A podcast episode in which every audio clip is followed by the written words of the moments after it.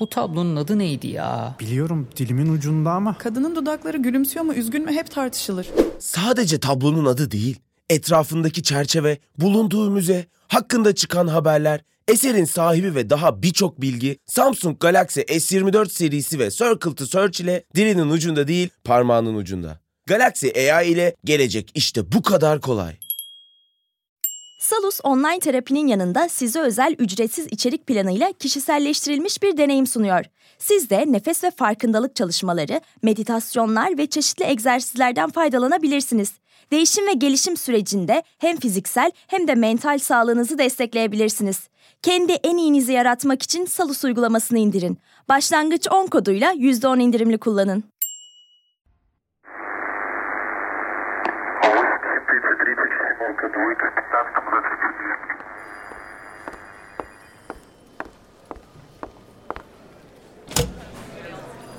Yıl 1962. Amerika Birleşik Devletleri veya ABD ile Sovyetler Birliği arasındaki gerginlik tavan yapmış durumda. Her iki süper güç de birbirine karşı nükleer silahlarını hazırda bekletiyor. Neredeyse tüm dünya bu iki devasa gücün birbirine saldırıp saldırmayacağını merakla bekliyor. Küba füze krizinden bahsediyoruz. Bir siyasi ve askeri olaydan daha ötesi.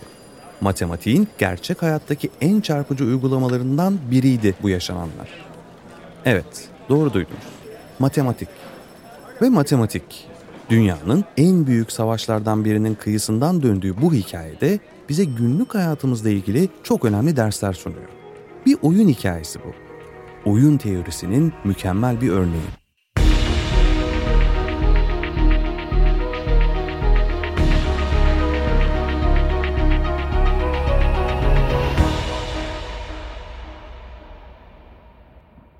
Dilerseniz önce şu füze krizini bir açalım. Sonra hayatın nasıl bir oyundan ibaret olduğunu birlikte konuşalım. Küba'nın başına geçen Fidel Castro'nun Sovyetlerle yakınlaşması Amerika içinde çanların çalmasına neden olmuştu. Küba'da neler olup bittiğini öğrenmek zorundaydılar. İstihbarat birimleri vızır vızır çalışıyordu. Ve nihayetinde Amerikan U-2 casus uçakları Küba'da Sovyet füzelerinin var olduğunu keşfetti. Hemen diplerinde azılı düşmanlarının korkunç silahları vardı. Bu Amerika için kabul edilemez bir tehditti. Fakat ellerindeki seçenekler kısıtlıydı.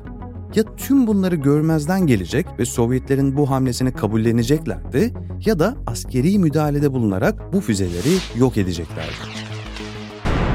Sovyetler için de benzer seçenekler söz konusuydu.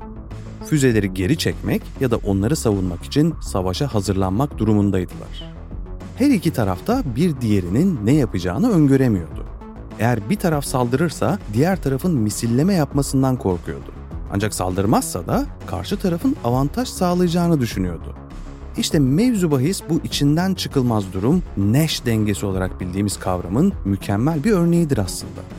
Şöyle anlatayım. Bir oyuncunun stratejisini değiştirdiğini düşünün. Rakibi ise stratejisini değiştirmesin. İşte Nash dengesine göre stratejisini değiştiren oyuncu daha kötü bir sonuçla karşılaşır.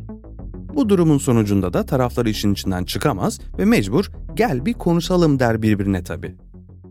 Amerika ve Sovyetler Birliği arasındaki hadise de tam olarak böyle sonlandı. Amerika Başkanı John F. Kennedy ve Sovyetler Birliği lideri Nikita Khrushchev arasında yapılan yoğun diplomatik müzakereler sonucunda her iki tarafta savaşın nükleer bir felakete yol açabileceğini fark ettiler ve nihayetinde bir uzlaşıya vardılar. Sovyetler füzelerini Küba'dan geri çekerken Amerika da Türkiye'deki bazı füzelerini geri çekecekti. İki taraf da ellerindeki kartları açarak aslında hem birbirleri hem de dünya için en doğru sonuca ulaşmıştı bir şekilde. Kısacası iki ülkede oyunu doğru oynamıştı. Evet, her şey bir oyundur özünde. Savaşlar da, bir köşe başında bulunan boş bir dükkana çiğ köfteci açıp açmama kararı da. O halde şimdi sizdeyiz. Merhaba, nasılsınız? Dün akşam nasıl uyudunuz? Yıllar önce verdiğiniz bir kararı düşünüp farklı bir karar verseydim ne olurdu diye bir o yana bir bu yana döndünüz mü yine? Ya da dün bir arkadaşınızla çok basit bir konuşma yaptınız.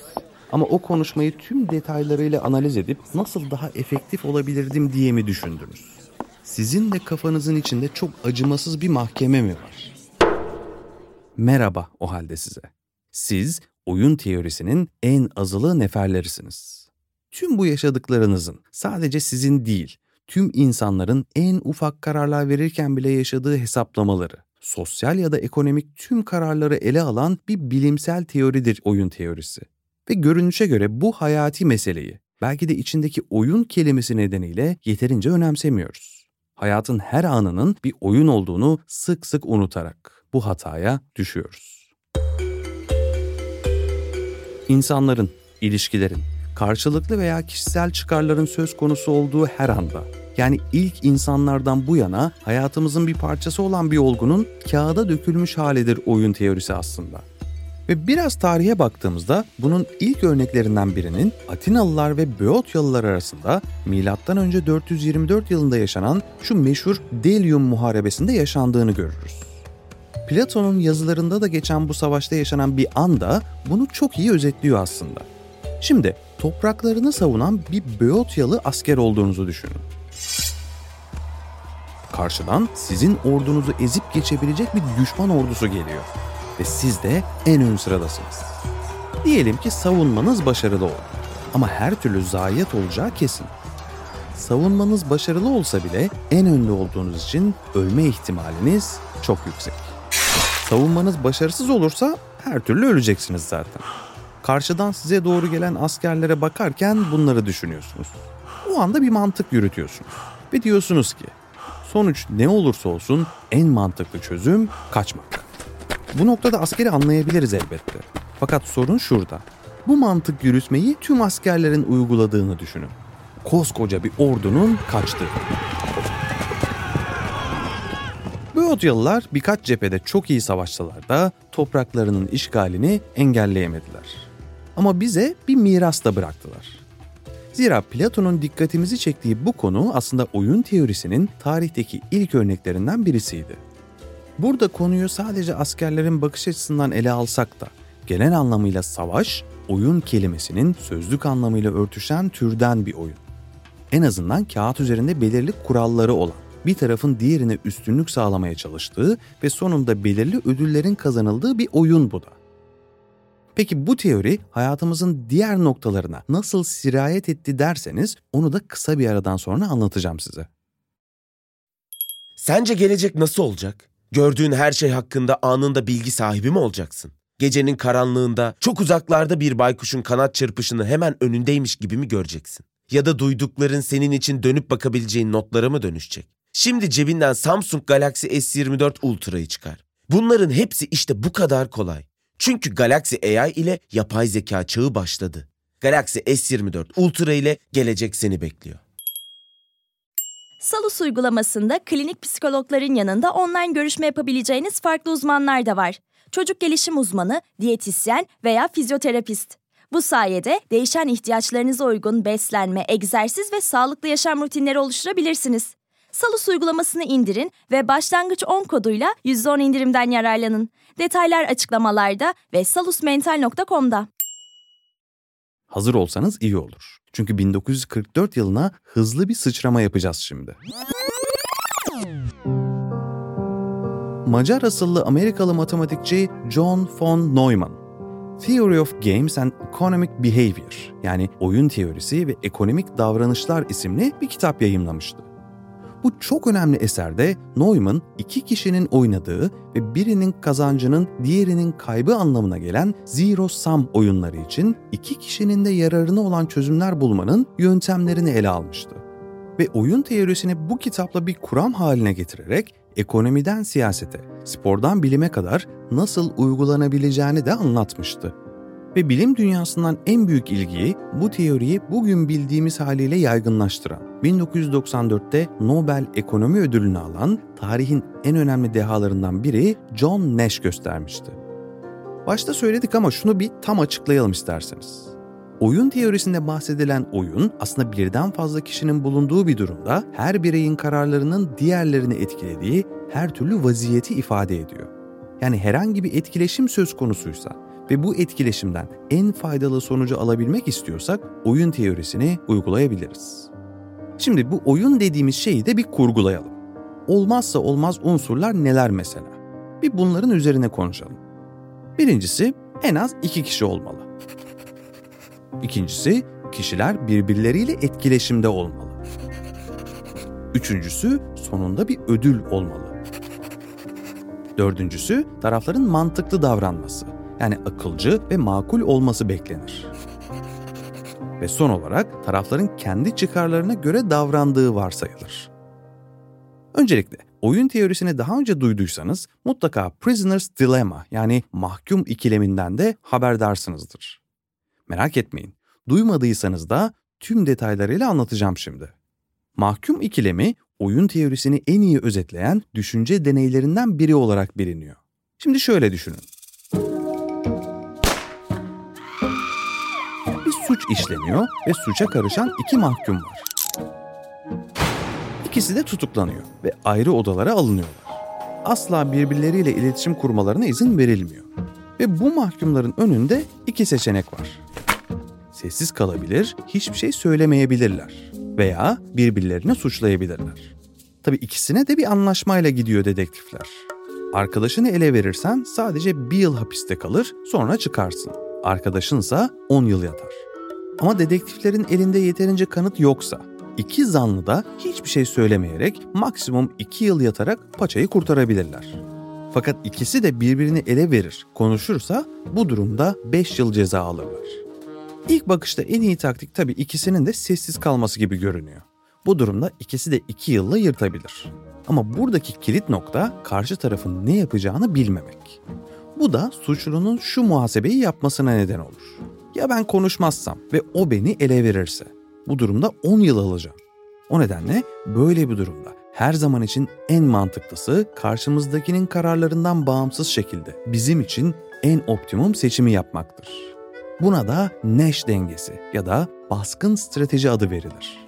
Her durumda kendimiz için en mantıklı kararı vermekten bahsediyoruz. Bizim suçluları düşünürsek, konuştuklarında 5 yılda yatabilirler, 1 yılla da kurtulabilirler. Fakat konuşmazlarsa 10 yıl gibi bir ceza var önlerinde. En nihayetinde ikisinin de konuşacağına kesin gözüyle bakabiliriz. Daha önceden bir anlaşma olmadığını varsayarsak tabii. Burada baskın strateji tüm taraflar için ihanet etmektir. İhanet bazen en doğru stratejidir. Ve neredeyse her zaman kişisel çıkarların, grubun çıkarlarının önüne geçeceğini de söyleyebiliriz. Ancak burada en önemli unsur bu durumun her zaman neş dengesiyle uyumlu olması gerektiğidir. O yüzden neş dengesini biraz daha açmak gerekiyor. Dediğim gibi hayatın her alanında görüyoruz bunu. Apple ve Samsung gibi büyük firmaların, Rusya ve Amerika gibi süper güçlerin çatışmalarında bile. A Beautiful Mind, Türkçesi akıl oyunlarıydı sanırım. Bu muhteşem filmde de anlatıldığı gibi John Nash bu teorisinde bir grafikten bahseder. Bu grafikte bir nokta vardır. Bu nokta bir oyunda tüm oyuncuların fayda grafiğinde bulması ve stratejilerini tam olarak çevresinde inşa etmesi gereken bir noktadır. Bir fayda zarar grafiği gibi düşünebilirsiniz bunu. En optimum çözümü işaret eder. Bunun yankıları tahmin ettiğinizden de önemli olmuş ve modern dünyamızın şekillenmesinde büyük rol oynamıştır. Şöyle izah edeyim. Evet, insanlar veya şirketler günün sonunda elbette kendi çıkarlarını düşünür ve bunu maksimize etme eğiliminde olurlar. Fakat kısa süreli karların ve kazançların peşinde değilseniz, uzun vadede siz de zarar görmek istemiyorsanız, işbirliği yapmak zorundasınız. Ortaklar aramalısınız. Rakiplerinizle bile ortak bir anlayış benimsemelisiniz. O nedenle dikkat ederseniz piyasada çok büyük rakip gibi görünen şirketlerin aslında sürekli birlikte hareket ettiğini, birbirlerinin çıkarlarını gözettiğini de fark edersiniz. Bu hem onların hem de bizim çıkarlarımız için gerekli bir dengedir aslında. Oyun teorisi en genel haliyle hayatı çok iyi özetliyor diyebiliriz kısacası. Evrimle de çok benzeşir. Biyolojiye de uygulayabilirsiniz. Örneğin biyologlar hiç de bu amaçla tasarlanmamış olmasına rağmen oyun teorisini biyolojiye uyguladığında biyolojik fedakarlık ile karşılaşırlar. Bir organizmanın kendisi için zararlı bile olsa türünün devamı için fedakarlık yapması anlamına geliyor bu. Bir kuşu ele alalım mesela. Bir avcı yaklaştığında var gücüyle ses çıkararak diğerlerini uyarmaya programlıdır bir nevi. Bunu yaparken avcıya konumunu açık edip hayatını riske atsa bile. Zira eğer bu durumdan kurtulursa diğer kuşların da bunu yapacağını bilir. Ya da somon balıkları. Çok uzun süren bir göç sonrasında bir nehirde akıntının tersine yüzerek, inanılmaz zorlu bir yolculuk gerçekleştirerek yumurtlayacakları yere ulaşırlar. Ve bu yolculuğun sonunda somon öleceğini bilir. Evet, yumurtalarını bıraktıktan sonra somonlar toplu halde ölürler. Orası son duraktır onlar için. Fakat türlerinin devamı için bu yapması gereken bir fedakarlıktır. Bu denge sonucunda bazı türler yeryüzünden silindi evet. Ancak doğa gereği insan türü sonunda hayatta kalmayı başardı. Yüz binlerce yıllık bir çabanın, oyunu doğru oynamanın bir sonucuydu bu. Ama şimdi bu türün de oyunu çok yanlış oynadığını söyleyebiliriz. Orası ayrı bir konu. Tabi buraya kadar bahsettiklerimiz ve verdiğimiz örneklerde Neş dengesini ideal ve optimum şartlara göre değerlendirdik. Kuş örneğinde olduğu gibi ideal şartlarda herkes üzerine düşeni yapıyor. Fakat insanı, insan ilişkilerini ele aldığımızda maalesef tahmin edilemezlik gibi büyük bir sorun ortaya çıkıyor. Elimizdeki çöpü yere atmak mesela. Çok basit bir örnek.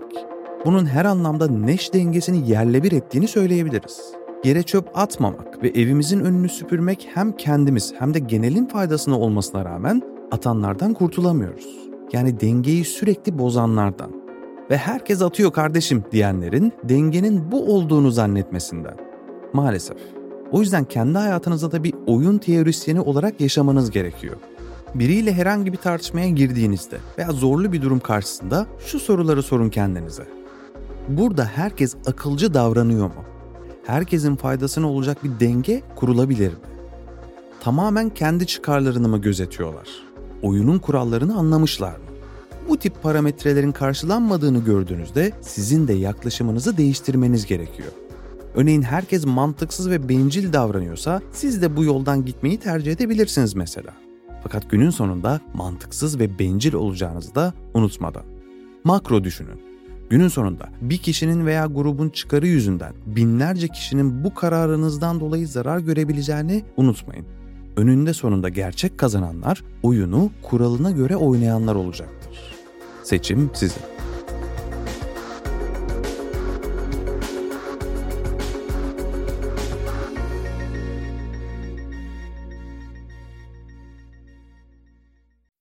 Boğa ve Venüs arasında 120 derece üçgen açılarla desteklenecek. Yeni ay ve devam eden süreçlerde tutumlarımız önem kazanacak. Özetle pozitif olun. Notlarını istediğin gibi özetleyen not asistanı Samsung Galaxy S24 serisinde. Galaxy AI ile gelecek işte bu kadar kolay.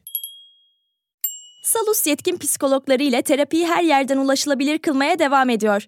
Yaşam tarzı değişiklikleri, adaptasyon sorunları, yalnızlıkla başa çıkma gibi konularda online terapi desteği için Salus uygulamasını indirin. Başlangıç 10 koduyla %10 indirimli kullanın.